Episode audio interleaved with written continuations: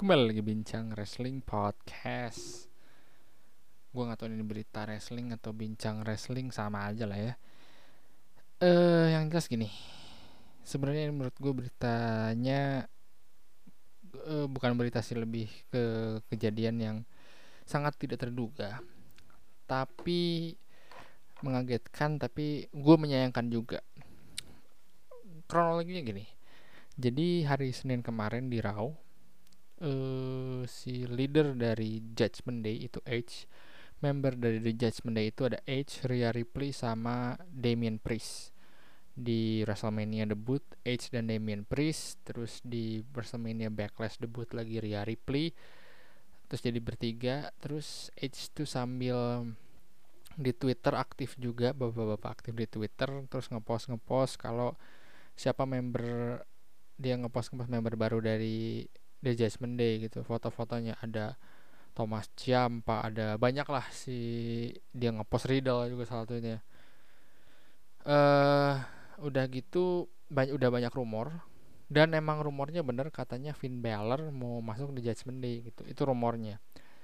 Eh dan juga ada satu rumor lagi kalau si The Judgment ini nggak disuk nggak begitu disukain sama dari backstage WWE nggak tahu gue nggak tahu kenapa nggak disukainnya tapi yang jelas The Judgment Day ini menurut gue cukup oke okay untuk jadi sebuah cult.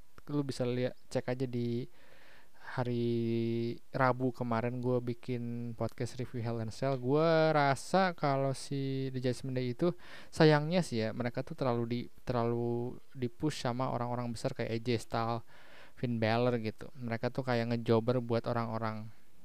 Ya kasihan lah orang sekelas AJ Styles sekelas uh, Finn Balor untuk ngejober untuk kayak begitu gitu. Tapi uh, mereka nge ngebilang mereka bilang kalau misalnya di Raw ini bakalan ada member baru buat Judgment Day.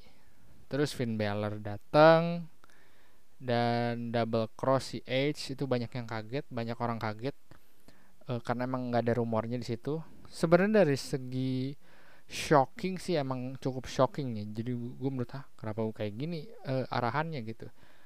Emang sekarang udah susah banget zaman sosial media jadi kayak gimana caranya harus ada daya daya apa namanya itu daya daya shocknya apa sih namanya ada plot twistnya sama halnya kayak Undertaker kalah distrik banyak lah yang dilakuin sama profesional wrestling biar tetap relevan gitu karena kan di sosial media orang jadi bisa beri karakter dan segala macamnya beda sama yang zaman dulu.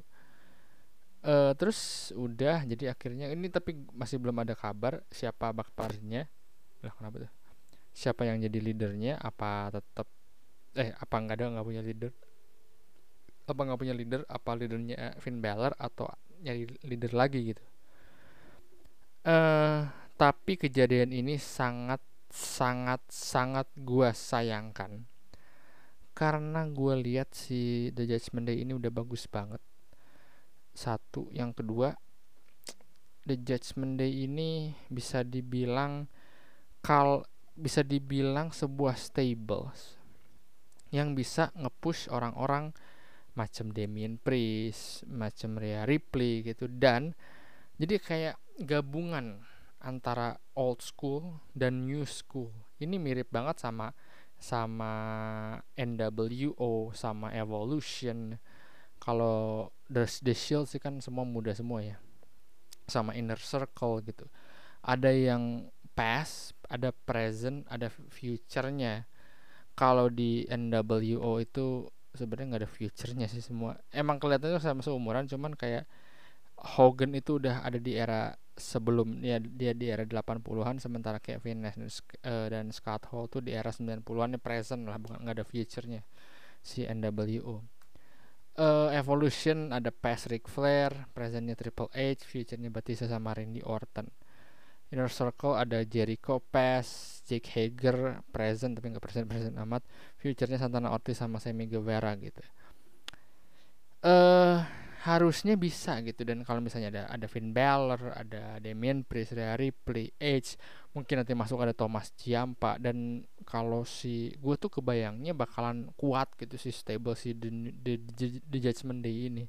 Dipimpin sama Edge terus Edge sebenarnya harus nggak nggak usah rest. Jadi dia bisa banyak feud dan dia bisa ngenaikin nama-nama banyak orang tapi nggak tahu kenapa gitu. Gue kok langsung di disband sekarang. Oh itu serang banget tuh ini pernah ini kejadian sama kayak hard business juga. Ada pasnya kayak MVP Shelton Benjamin uh, satu lagi siapa? Bobby Lashley sama Cedric Alexander.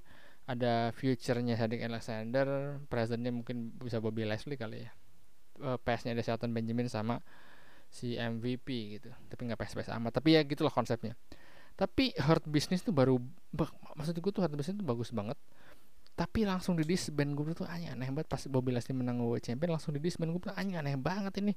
Lagi hot hotnya lagi bagus bagusnya gue nggak tahu kenapa WWE nggak suka banget sama konsep grup gitu kalau aja sih hard business rada lama kan misalnya bisa jadi macam The Undisputed atau macam uh, Evolution gitu yang menang banyak title. Dalam satu grup bisa menang banyak title ya misalnya Bobby Leslie menang WWE Champion MVP menang US Champion Cedric Alexander sama Shelton Benjamin menang uh, Tag Team Champion gitu kan. Jadi seru kalau kayak gitu kan. Sementara langsung di disband nah, si si Jasmine juga sama gitu. Bisa aja kayak Edge menang Universal Champion. Kalau misalnya ini dijaga terus uh, sama Edge menurut gue bakalan seru banget dan bisa ngeter ngeturn si Bloodline jadi top baby face sekarang kan mereka jadi top heel nih kalau Jasmine Day bisa ini banget bisa jadi nge ngeturn si Bloodline jadi baby face dan misalnya Edge bisa lebih established gitu. Ya Edge udah Hall of Famer udah gak usah ditanya. Tapi karakternya tuh pas karakter Jasmine Day nya itu untuk ngalahin Roman Reigns menurut gue di ini. Jadi kalau si Edge menang WWE Universe WWE Undisputed Universal Champion Damian Priest mungkin Intercontinental atau uh, eh, US Champion mungkin ada Finn Balor sama Thomas yang pemenang tag team champion. Ada Rhea Ripley menang Women's Champion. Kan seru jadi bisa di satu stable menang champion. Semua jadi seru. Nah sekarang di disband gue gue aneh banget gitu. Terus Jericho juga sempat bilang kowe aneh banget ya. Padahal bisnis lagi hot-hotnya langsung di disband gitu nggak tanpa kejelasan. Iya gue juga aneh kenapa gitu. Harusnya emang emang emang konsep stable atau grup itu nggak bisa lama. Cuman ya minimal minimal dua tahun lah kayak menurut gue yang salah satu salah satu yang pas kenapa The Shield adalah legendary banget itu ya saat saat sa, apa dari grup yang semuanya bisa menang world champion. Semua menang world champion terus semua punya karakter sendiri semua sukses sendiri.